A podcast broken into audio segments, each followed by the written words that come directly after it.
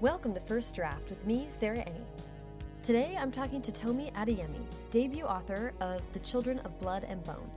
We met up at Tomi's home in San Diego the day before she set off on her two week book tour to talk about putting the Black Lives Matter movement into a fantasy world, learning from rejection, and spite creativity. Also, a heads up there were some technical issues while recording this podcast, and some important audio was lost.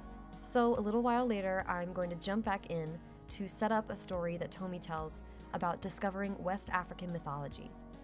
Sorry in advance for the voiceover intrusion, but I knew we had to hear about how Tomi discovered the magical African legends that inspired Children of Blood and Bone.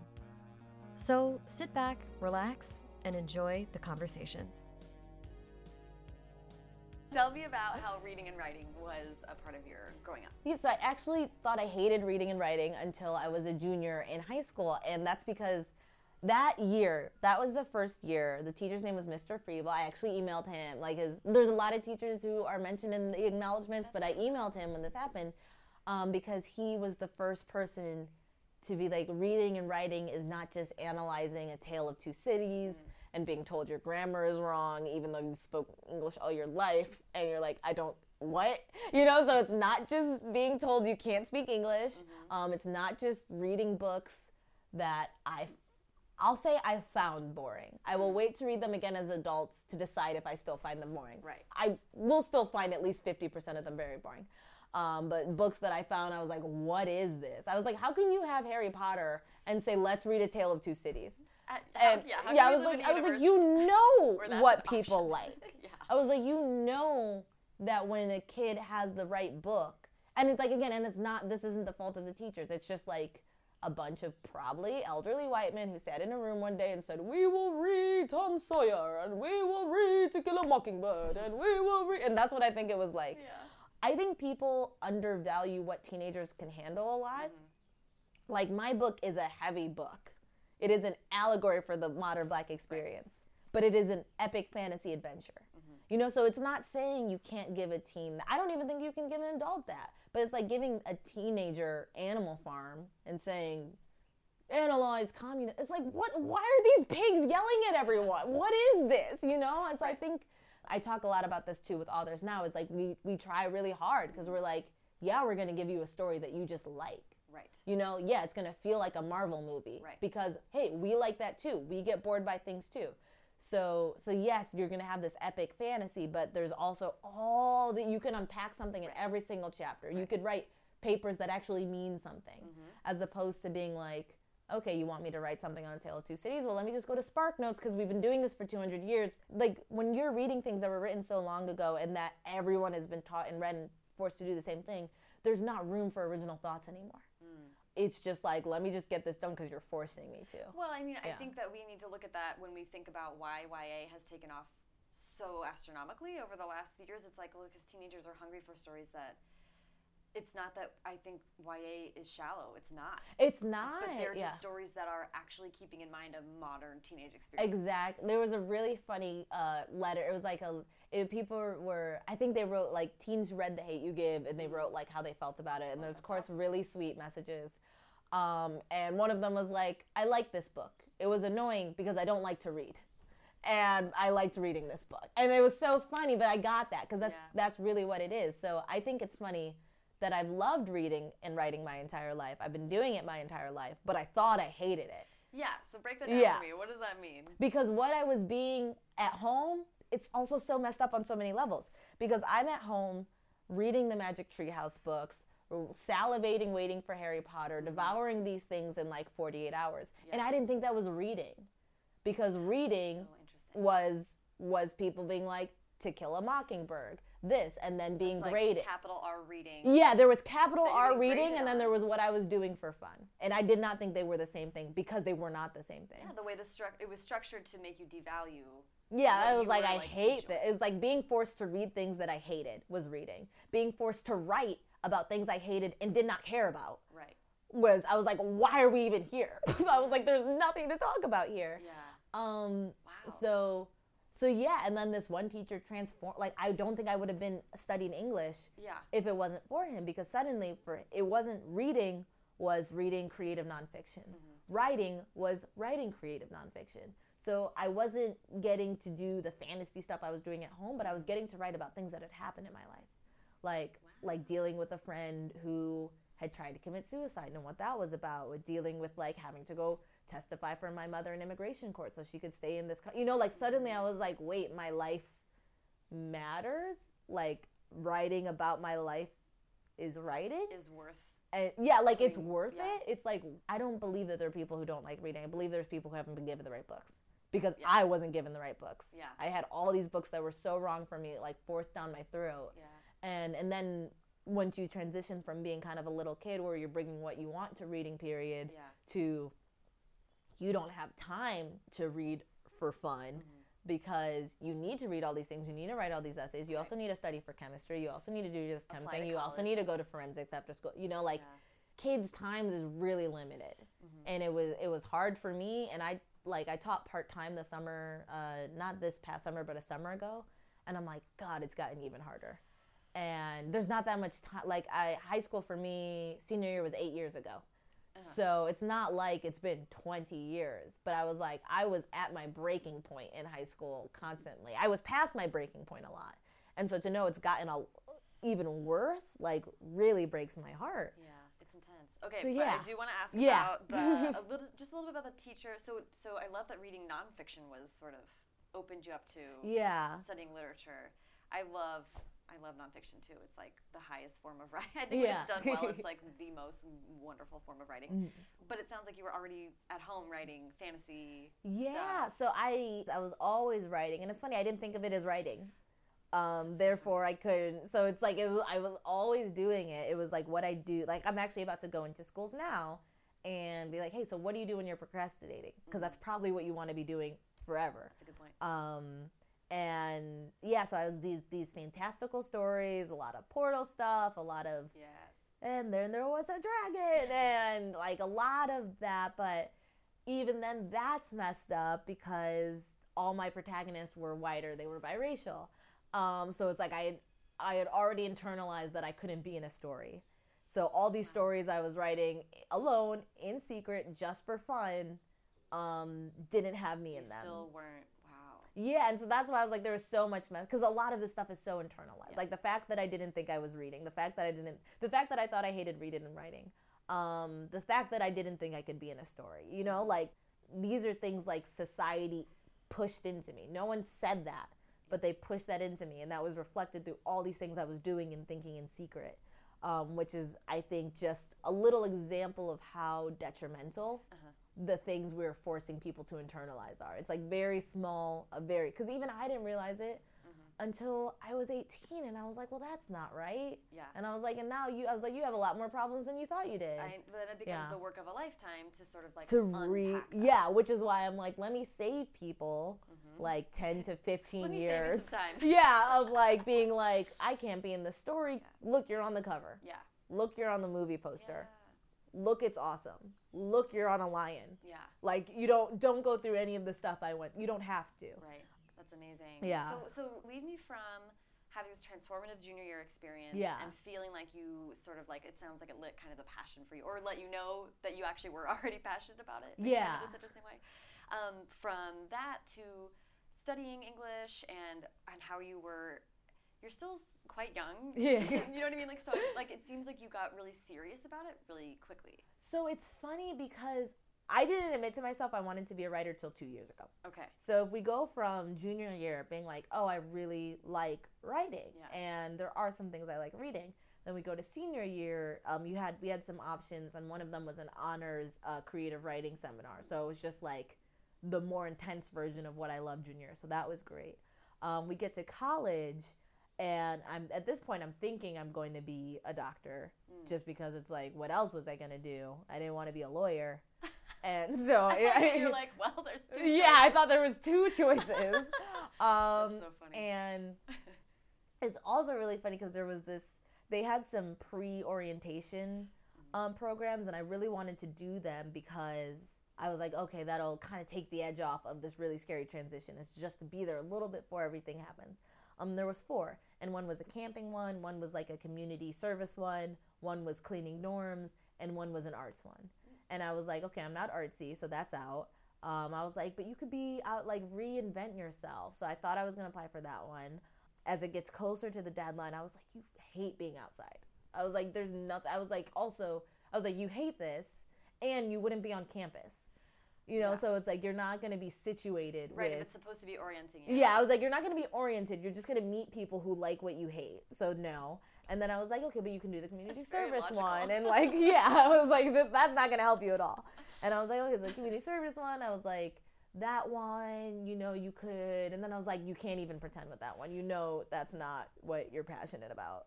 And I was like, you don't want to say that out loud because it sounds bad, but like you're not. Mm. So that's also not going to be the best for you. And I was like, okay, I guess dorm crew. But it's like, girl, you have so much OCD. I was like, you can't clean your own toilet. Now you're going to go in and clean these 100 year old buildings. So then it was like the arts one was the only one that was left. And I didn't think I was creative or artsy. I was like, I gotta scam my way into this. So I was just like, here's videos of me dancing, and here's the story I wrote, and here's a video of me doing this like dramatic interpretation of this like homeless woman in New York, and here's this anime music video. I, you know, like I was just like, let me bombard them and have them think. I, I didn't even, I wasn't even looking at these things like, yeah, you're you're creative, right. and this is what you love. I was just like, I'm gonna scam them, and I got in. I was like, wow. yeah, like suckers, and so like. I, I was so good yeah. at tricking you into thinking I'm creative that I became like yeah. I mean, you obviously were. It's really funny looking back at it, but yeah, I wasn't there like, hey, this is all the stuff. I was like, this is the only thing wow. that can work because you can't be camping wow. and you can't clean toilets, so you got to get in here somehow. Yeah. And yeah, and while I was there, my mind was instantly opened up to the fact that not only is there more than to life than becoming a doctor or a lawyer, there was careers in entertainment and because then I was just like, oh, I thought you could only be an actor, and I oh. I didn't want to be Daniel Radcliffe, so right. I was like, where? And they're like, there's actually a whole array. So that was my first like, and it was funny. The person who really opened it up, describing doing like sound engineer work on the Harry Potter movies and like all these like yeah. different things you could do in Hollywood. He ended his presentation with like, what you were doing when you were seven is what you should be doing for the rest of your life, and he showed us a picture of him like it was really old school Polaroid. He had like one of these like Super 8 mm-hmm. films. His jeans were like all the way up here. Um, it was so adorable, and I was like, "Wow, you're doing that!" And instantly, I was like, "I was writing," but I was like, "I can't do that though." So I'll do, I'll pursue entertainment business because it's creative, but it's mm-hmm. business. So it's creative, but it's logical. It's obtainable. Right. right. And so through college, I was doing, I did like, I entered in finance, and then I entered in consulting over the summers during the school year, I was dancing and I was uh, in the business staff of this theater company. So I was doing the creative stuff during the year, and then the summers I was doing the business stuff. And I was like, I think there's a way for this to collide. Mm-hmm. And then the writing thing, I was always still writing, and I didn't get serious about it though till the Hunger Games, which mm-hmm. um, you might have read the piece because a lot of people, because I was just like, here, I was like, this is all you really need to know about me. Yes. Um, but yeah, seeing that, seeing the backlash against like the black characters. Mm-hmm um, it was really, really painful. And what you're referencing, yeah. just so the listeners oh, know, oh, yeah. is that you wrote a blog post on your site yeah. that's linked to on your website, easy, anyone can find it, and yeah. it talks about your inspiration for writing. Exactly. It's called Why I Write, uh, Telling a Story That Matters. And I wrote it not at the time of the Hunger Games, I wrote it after the Charleston shooting in South Carolina. Um, but the reason I wrote it then is because I realized I hadn't felt as helpless and as, like, as hopeless as I felt after the Charleston um, shooting, where I think I think his name was Dylann Roof, and he went into Bible study and he killed nine black people. I hadn't felt that hopeless since the Hunger Games, mm-hmm. um, because the first time I saw the Hunger Games, I'm like, this is awesome. Before I saw it the second time, I had seen the stories of people being like, "Oh, why'd they make all the good characters black? It wasn't sad when Rue died because she was black." Yeah. Um, like racism transformed for me up until I got to college, racism was like the stupid junior boys like saying Tome, right? Or it was the really dumb substitute teacher like making assumptions. You know, it was just like things I could brush off my shoulder mm-hmm. because I knew who I was. I knew I was going places. Mm-hmm. Um, when I got to college, I was just like, that's when Trayvon Martin happened, mm-hmm. and then I, like months after that, that's when his killer got off. That's when George Zimmerman Zimmerman was let go for for nothing. Um, so racism transformed into something that could like roll off my shoulder to something that like stabbed me in the heart. Mm-hmm. and was like, I'm gonna kill you, and I'm gonna kill your friends, and I'm gonna kill your family, and then we're all gonna go and have a tea party. Um, and that message just kept getting repeated again and again and again. So with the Hunger Games, it was seeing such deep, real hatred and racism applied to a fantasy setting that has nothing to do with anything. And it was seeing the, it was so unashamed. I was like, it's one thing to be an anonymous, like, motherfucker on a comment board, right. being like, all lives matter. It's another thing to be like, this is my face, um, this is my name, and here are my thoughts. It wasn't in the shadows. Yeah. Like, people were out there being like, I hate you, and I hate that you were in this. So then the second time I saw the Hunger Games, knowing that, and then like I, I teared up when Rue died the first time, but I was sobbing the second time because I knew there were these people out here being like, oh God, thank God she's finally gone, you know, and I and that was really disturbing to me. But then, like, I'm a spiteful person, and someone's like, "You're not spiteful. You're a badass." I was like, "You can label whatever you want, but like, if you mess with me, if you hurt me, I will find a healthy way to give you a middle finger back. My friends and yeah. I talk about spite creativity all the time. It's fully spite creativity because I was literally yeah, it does. It literally does. It's funny talking about this now with Black Panther like on the edge of making a billion dollars yeah. because it's exactly what I was talking about. I was like, "Oh, you don't want to see black people movie? Okay, get be prepared for the best thing you've ever seen with only black people." Mm-hmm. And guess what, racist? You have to see it too because everyone else is talking about it. It's in the universe. Yeah, it so matters to you and what you care about. Exactly. Yeah. I was like, you're gonna be the one left out, and yeah. you hate being left out more than you like hate this. So I like I am gonna force you to eat your own shit, and that is kind of where my writing mission came from, and so that happened freshman year. Mm-hmm. But it still it wasn't like you need to write. It was like you need to do this one thing. So so yeah. just so i'm clear like you are and by the way i want to make yeah. sure that people know you went to harvard. Oh, okay. Which is, I always think is so awesome. Um, the and you you were writing for yourself yes you still took it on yourself like in this thing that i'm doing for myself i want to yeah, exactly. so I was still mission. writing for myself, um, but after the Hunger Games thing, I was like, you know what, I'm gonna do this thing and it wasn't necess- uh, it wasn't going to be like I'm going to make a career out of doing this again and again or anything like that. It was like I'm just going to put this one story into the world. And that's going to be my middle finger to everyone who said the Hunger Games was bad because, or parts of the Hunger Games didn't matter because it happened to black characters. And like, that's going to be the end of it. I still thought, you know, like I, I went to, I was interned in like an investment bank that summer. So it wasn't like a, oh, now is the thing. It was just, uh, oh, this thing I thought I did for fun, I do need to do at least one of them, not just for fun. Right. And that was the first book I wrote, which was called The Keepers, and it was the first time I had like finished a story. Mm-hmm. And it was my first time revising a story. Oh, yeah. Which, because that's what like any writer would tell you is like writing is not the first draft which for me it had always been the first draft. I had never gotten to the end. Mm-hmm. I had all these unfinished stories. Some of them were like 300 pages, but I never gotten to the end. Yeah. Um. So this was my first time getting to the end, and it was like, woo, woo, you know, so like exciting. you got it. And then came revision, which I did not understand. I did not know what. You know, there's. Yeah. It's, it's a whole other skill set. It's a whole yeah. It's like a whole other really like a minefield and and so that was really rough for me and so that process was like three and a half years mm-hmm and towards the end of that process is when I started learning about publishing, mm-hmm. um, but learning how to query, uh, learning how to submit to literary agents, like yeah. learning to get rejected, you know, because everyone's like, it's like, it doesn't happen on your first book. There's literally three people where it's happened on their first book. And I was like, it's okay, I'll be one of them. And, you know, and by that point, point, I'm now I'm post college. Mm-hmm. Um, I'm working at a production studio in Los Angeles. I was very unhappy at that job. I think I feel like when people have like interns or people right out of the college, it's like I hope that people approach it like we this needs to be the job that like pisses you off so that yeah, you like go do- on to that's literally what I tell like if I had been any happier we wouldn't be sitting here right like I had to be miserable I had to be like why would I spend my time doing this the only reason yeah. I started writing was I was at a cubicle and I was like this cannot be Exactly. I was like, I am not. I was like, I can't even do this for a year, yeah. let alone. I was like, I feel like I'm. I've been doing this for 40 years already, and I was like, we're in month three.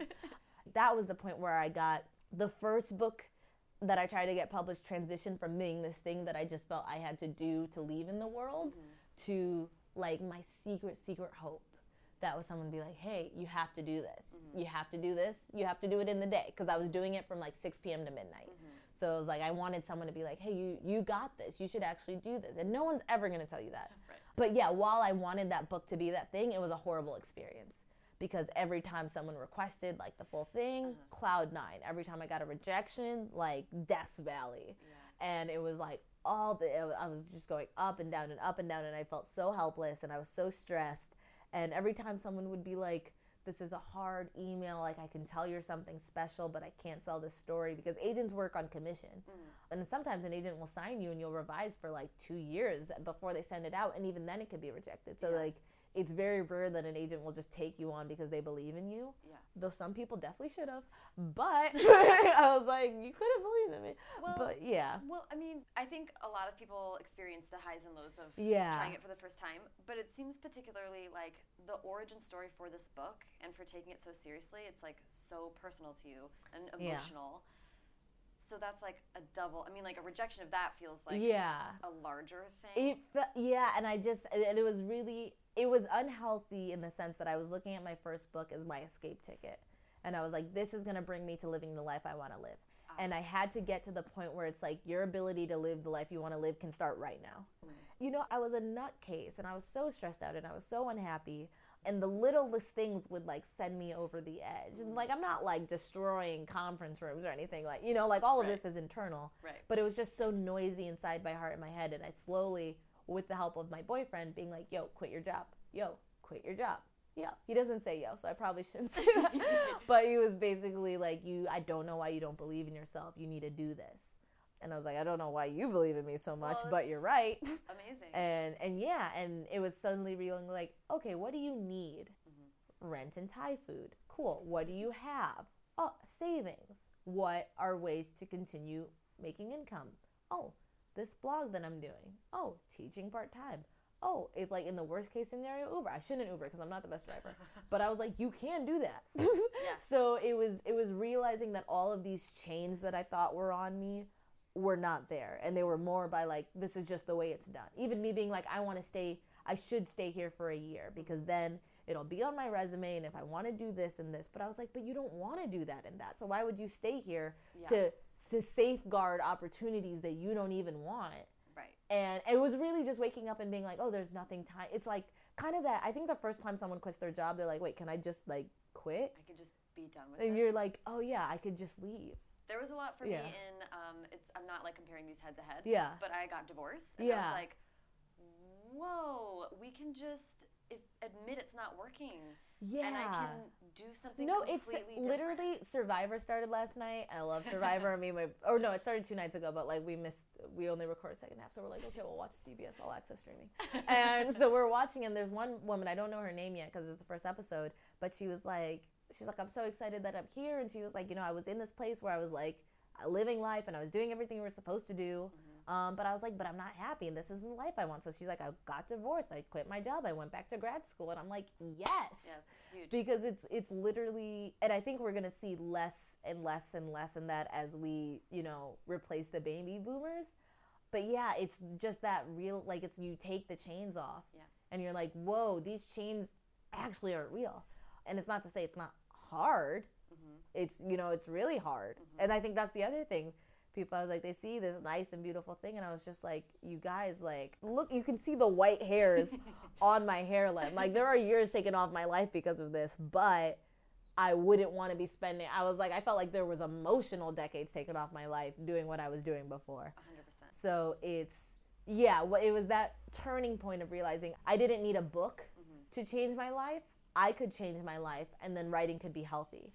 And how yeah. does this realization and this this kind of like moment? Because yeah. you're still talking about the Keepers, your first book, and we haven't even said Children of Blood. Oh yeah, way, yeah. that eventually we'll get to. But how does the moment of listening to that advice, yeah. taking that risk, sync up with like really taking yourself seriously? Is that yeah. what you're talking about? Yeah. So let if like if we do that, I feel like chronologically is the easiest. So if we go, that's 2015. So let's say we're in January 2016 um, I think end of January I start sending my book out. So this book is or my first book, The Keepers, out. Right. So this book is still like my save me book. Please save me. I poured my heart into it because I like I was obsessive. It was like six months, hours, hours, hours, hours every day. And that's and so from January to March I'm going through the ups and downs of getting rejections, getting requests, um, getting close and then getting rejected. Mm-hmm. Slash, you're always getting rejected. So what I'm saying, yeah. um, up and down, it's not like it would go. I'd be like, there's always a steady stream of rejections, but then there was the oh, this person really likes it. Oh, this yeah. person is looking for getting a book close. like this. Yeah, so it was getting close. It was getting those emails where it's like, it's really hard for me to write this right now. Like, there's even one email where it's like, I'm kicking myself because I know, I know they're like, you're very special and you have something. And it is not this book and you have oh, something and I was like, don't don't tell. Well, I was like, okay, well, or there was people being like, what are your next ideas? Yeah. And you know, so I was like, so I knew, you but it, it just felt something. like, yeah, it just felt like this isn't working. And then around, let's say around March, is when I start getting into the healthy, like, hey, you can live the life you want to live right now. Like you could leave your job.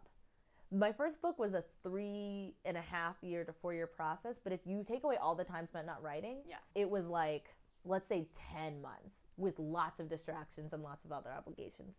So I was like, you can do this again and you could do it a lot faster if you weren't working at this job you didn't like and you would be a lot happier. Mm-hmm. And you could support yourself. So I'm getting into this. I'm talking to people who are like my friends who are doing this, and I'm starting to see the possibilities. I'm also realizing how close I got with my first book. If you can learn from a rejection, you better learn from a rejection. And the consensus was I had something um, I was a good writer, I was a good storyteller, but they couldn't sell the book. And I was like, why not? Let me find out what books are selling. Wow, there's a magical list that comes out every week with what books are selling. It says how long they've been on that list because they're so magical. um, and so I was like, okay. And so I read Red Queen, I read An Ember in the Ashes, I read Shadow Shaper. And on one hand, I was like, oh, of course they couldn't sell this book. I was like, this book is for people like 10 years ago. I was like, this is not what people are reading now. But it was also like I was learning so much from these stories. I was also being creatively liberated by these stories and being like, oh, I don't have to take a, an adventure and keep it light yeah. and draw out the big battle for three to seven books. Mm-hmm. I was like, we can go to book seven in book one. Mm-hmm. And I was like, and we don't have to enter it through our world. We could just start in a completely new world. Yeah. And so I was like, wait, you're telling me I can write stories like my favorite stories ever. So, and like, that's what people want. So it became this thing where it's like, it's so funny. My editor makes fun of me because I'll send her a draft and then I'll be like, no, don't read that one. That one will set your eyeballs on fire. That one is shit. read this one, you know. And that's that. But that is how I am yeah. on myself. So it's like as soon as I started learning these things, it's like I wanted to pull this from people's inboxes, and I knew I didn't have to. It wasn't. It wasn't like a danger. Also, if someone says I want to represent you, you could be like, never mind, right. you know. So part of that is being like, oh, you're not bound to all these things we think we're bound to or not.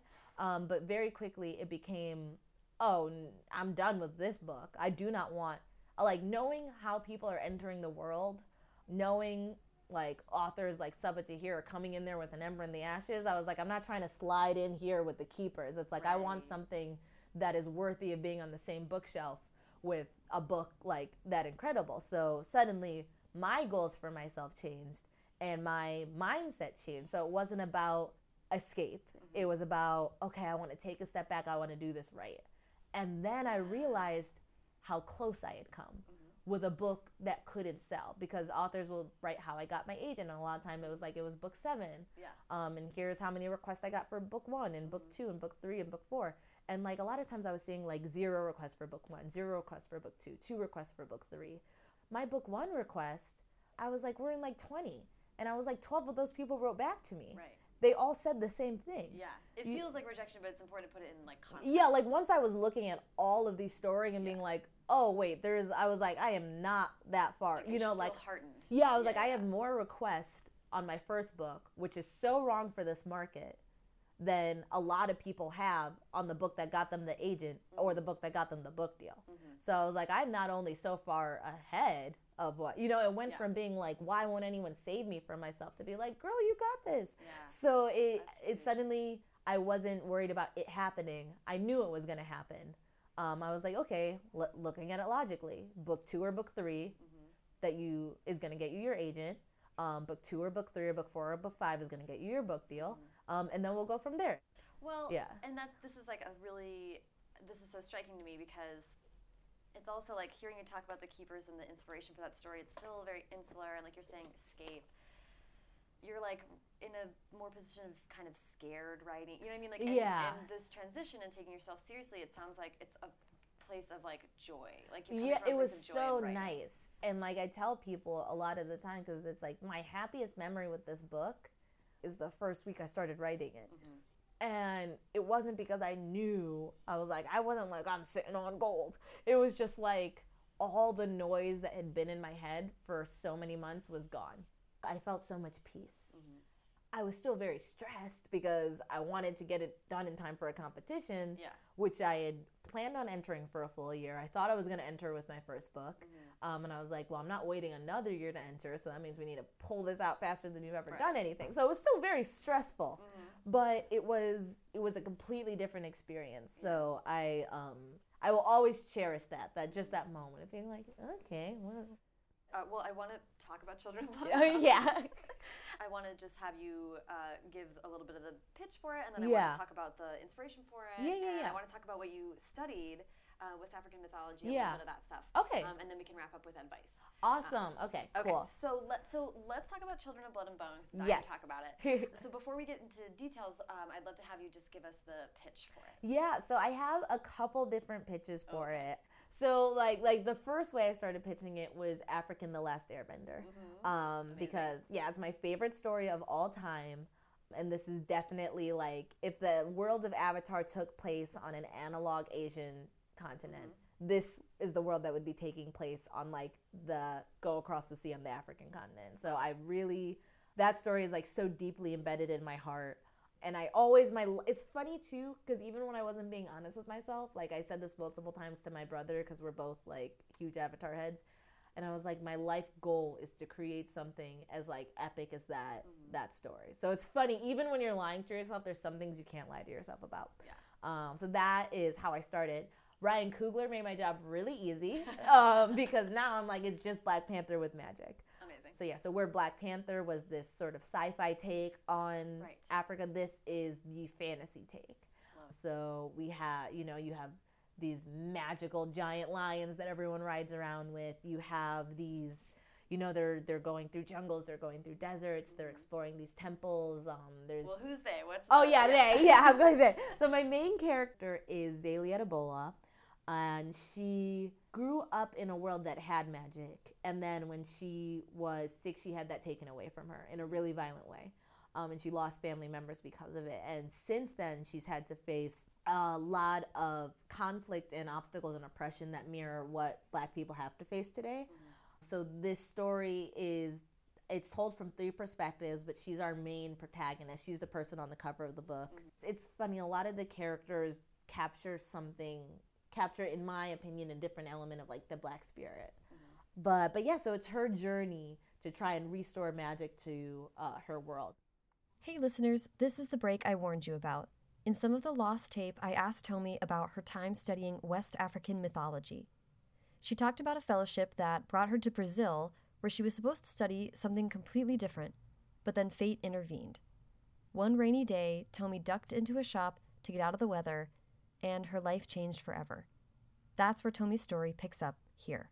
So I was in this gift shop and I saw this poster of the Orisha, and there was nine of them, and they didn't have their faces, but it had like it was like dark skin and magic, and that never went together, and no one ever did that. And so seeing it for the first time was this really overwhelming experience and I wanted to know everything about it. And because I'm all my stories come from visuals, like even my first book that I tried to get published, it came from this picture of people like it looked like they were about to jump off the roof, but in like a magical way. Ooh. And I was just like, what scene is you know? So I get a, I'll, I'll see a character and then I'll get a scene and then the story can I either falls in place or I can figure it out from there because then it's like a puzzle or it's like it's really like algebra, which is the only math I like. Ah. It's like, okay, solve for X. And so seeing that, I knew I had one variable because so I was like, this is a whole world. Yeah. In that moment, I was still working on The Keeper as my first book at the time. So in that moment, I was trying, I was trying to be like, where's the story? Where's the story? And I, I had things, but nothing that excited me yeah. as much as what I discovered excited me. So I knew it wasn't the right fit. And I was like, okay, I'll just keep this in mind. Besides, you're three years into The Keeper, so you're not going to pivot now. Right. That doesn't make sense. Right. So yeah, I kept that in mind. And then about eight months later, I saw this picture of this black girl with uh, luminescent green hair. Um, and it was a digital illustration. It was so beautiful. But it was funny because now, I'm, as I'm saying this, it was like basically just images of magical black people that I had never seen before. And both of those, like, you know, my whole, I don't know what it's, I don't know, maybe I'm thinking of a show, but like when you see all the neurons fire at once, uh-huh. that's essentially what happened. And so that picture was a picture of a character. And just thinking about what her world would look like, what her what a day in her life would look like. Suddenly, I got to like the inciting incident of the book. Yeah. And then I was like, whoa! And that thing I really just love that I discovered. Oh my God! It's oh my God! And oh, what I want to say about our world and Black Lives Matter and police yeah. brutality. That it's actually it's so funny because all of these stories have to do like so. My, the book is dedicated to my mom and dad and uh, to my boyfriend. And so many of these stories like he is a part of like when i was sitting there at night with after i seen the picture of the girl and i was like oh what if she was a fisherman or the daughter of a fisherman and she had to go to like this market to trade something? Mm-hmm. and like this princess ran up to her and was like you got to get me out of here. I was like is that like a thing? Is that cool? Is that interesting? He goes yeah. And i'm like okay let's go for it. And as i started getting excited about this i was like oh but i kind of wanted to write a book about black lives matter like I I was like I'm really excited about this, but like should I go for this or should I go for that? He's like I, he's like why why are you assuming it's a different book? I think it's the same book. And I was like you're right. And so he's a thinker. He's a thinker. He's really he's really insightful. He's really insightful. What is so cool? I mean, mm. I'm a huge fantasy reader, so yeah. I love how fantasy allows us to talk about real life, it, but but askew, right? Like yeah, just a little bit to exactly. the side. So and and it's so smart of your boyfriend to be like, you like your fantasy story that you want to tell doesn't have to be different from your yeah. Like, he's like story exactly yeah. So how did you think about? And it's also interesting to me that this was a purposeful thing. Like yeah. sometimes people, the book reveals itself over time. yeah. It sounds like right from the start you were like, I know what I want to talk about. Yeah, it was. It was actually so much healthier for me to do it this way. To know to be explicit about it? Or to be to be explicit but to, like the fact that i wasn't writing a contemporary novel like one i'm a fantasy person. Uh-huh. it wasn't my wheelhouse but also then i would have just been in it. And there would there would be no escape. And like with creating this book it was 18 months. Mm-hmm. i'm gonna be living with this book until book two comes out. Mm-hmm. but then i'm gonna be living it again when the movie comes you know like i'm in yeah. this is this is my life I mean, it's a part of my life, but like this, this is what I do. And so if this was all stripped back, then it would just be pain. Well, and I, I listened yeah. to the, the, interview that you did with John August on mm-hmm. his um, podcast launch, which yeah. I love. Um, shout out to launch. Um, but he, uh, it's, and then reading the uh, blog post about your reaction, Charleston, and in that interview with John, you said that you were like scared to leave the house. Oh yeah. Like I mean, it there are like... parts of this book that are just like a really just diary entries, and it's funny. The parts that are kind of just diary entries didn't really change through forty drafts wow. because it was just what was happening, and it was just your emotional. Yeah, it was just that, and so to and those things are really hard. Like even when I had to write the author's note for the final book, it's only mm-hmm. five hundred words, but to do that, I had to like reemerge myself in the worst cases and stories from police brutality. I have to watch videos about all the kids who didn't make it to 18 and and it goes down. So you start with the 17 year old and 16 and suddenly we're at 12 and suddenly we're at the 7 year old girl. And it's awful. And i but i have to do it. I have to do it. I have to put myself through it. And i have to feel it and i have to feel it to the biggest degree because if i can't if i'm not feeling it this much then when it gets to the page you're not going to feel it at all. But like writing that author's note it was like 500 words and then i was like sobbing in my bed for the rest of the day. Yeah and even now, you know, I get to there's so many things I get to be excited about, but in the back of my head is all the kids who never got this. Is all the kids who never made who never made it to see something like Black Panther, which wasn't that far away from them. Yeah. And it's one thing to not make it, it's another thing to not make it in the situations that they didn't, you know, to be killed by police officers, be killed by the people you're expecting to protect you. Right. And then for the families to live through that, for the families to know that they're like there are families that have been destroyed by it like children who don't have their mom anymore or parents who there's there's just so much and you can't push that aside so i feel fortunate that it doesn't just have to be that like i could say what i wanted to say i could do what i wanted to do but then I also get to be like, oh, look at them riding on this lion. This lion's so cool. I love this lion. well, and, and and interestingly, I mean, I think it's really speaks to your self awareness that you protected yourself in this way. I mean, like protecting like in like a survival way. Like, yeah. To be able to be as passionate about this book and live in this book, you knew that you had to put a fantasy veil on it. And then also it provides like the people that like black girl magic, like young yeah. women reading this and being able to like you're dealing with a real situation, but also a girl can escape. Yeah, exactly. Even when I was talking to um, Nic Stone, who wrote Dear Martin, and she's like, "It's so nice that there's some space." Mm-hmm. She, she's, you know, we're writing about the same exact thing. I had another um, black author friend say like she loved it, but she had to take breaks mm. because it was really hard. Yeah. And I get it because it's real. And it's not just happening in the book, it's happening in the headlines, it's happening on my Twitter feed. So I get it. So even then, it's not like I can't wait to. I mean, I can't wait. I'm so much to do. But after this trilogy, I'm excited to do things like like Black Panther, where it's like it's not fully removed, mm. but it's not so drenched in in like our pain.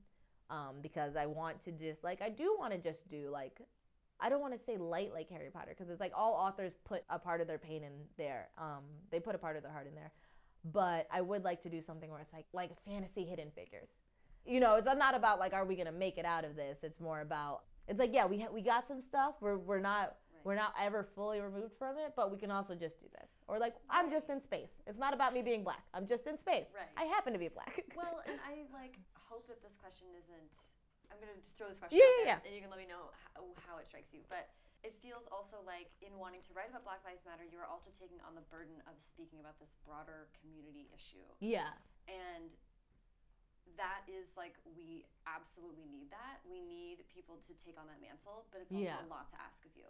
Exactly. And there's like the potential to in the future write a story that's sort of like just about your personal pain. I think that might be two different things. Right? Yeah, I think it's and there's a lot of conversation too where people look at books like this and they're like, "Oh, this is the story for all black people." And you're like, "So how how because it's the only I'm put only in quotes because there are like there are stories, there have been stories, there are stories coming out this year.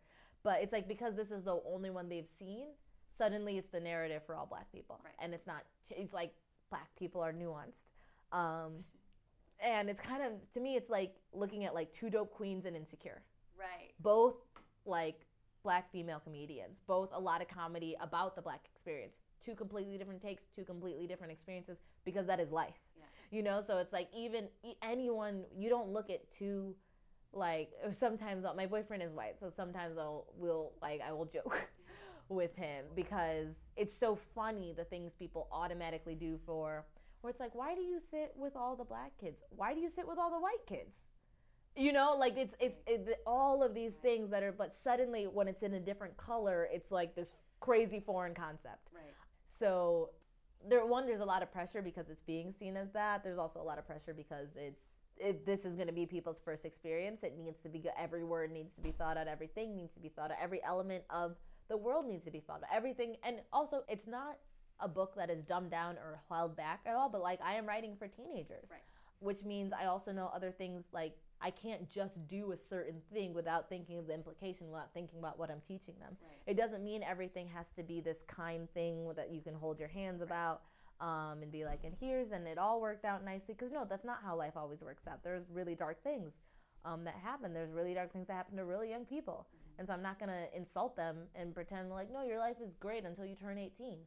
But I've had to think about every single part of this book. I've had to think about every single part of the world, every single character, every single part of the plot, every single word, the things that are on the page, things that are not on the page and implied. Like I have thought about it to death. Yeah. Um, with the help of my editor, with the help of sensitivity readers, and it's like I have to because we there's no room to make mistakes. There's also knowing that there are people out there waiting with pitchforks ready to be like, let me, like, you know, just turning the pages with the pitchfork and being like, where can I stab? And I don't care about those people. Right. But I also know I've done it.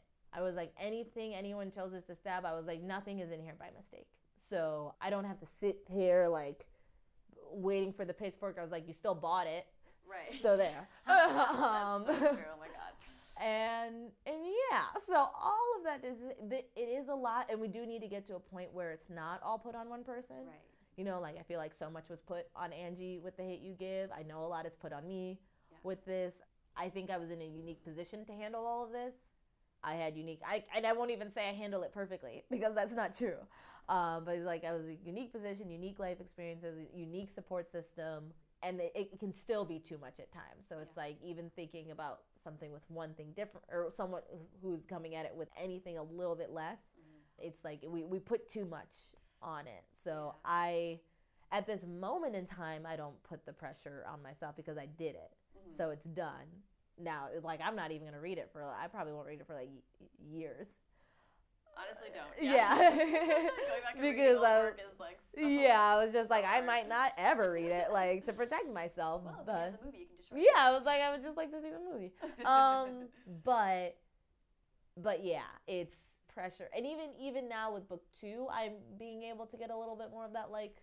Mm-hmm. You know, you you did all these things, you said all these things, so now you can take it where you want to. If yeah. you want to take it here, you can. If you want to take it here, you can. Yeah. Um, it's your book and it's your story but but yeah it is it is something that definitely needs to change and i think it will be changed or we'll start to see better things as we get more and more. Right. We're still seeing problems now because now that we're getting more people are being like okay this versus this. Oh, and right, it's like but yeah. did you take this book and put it against this book?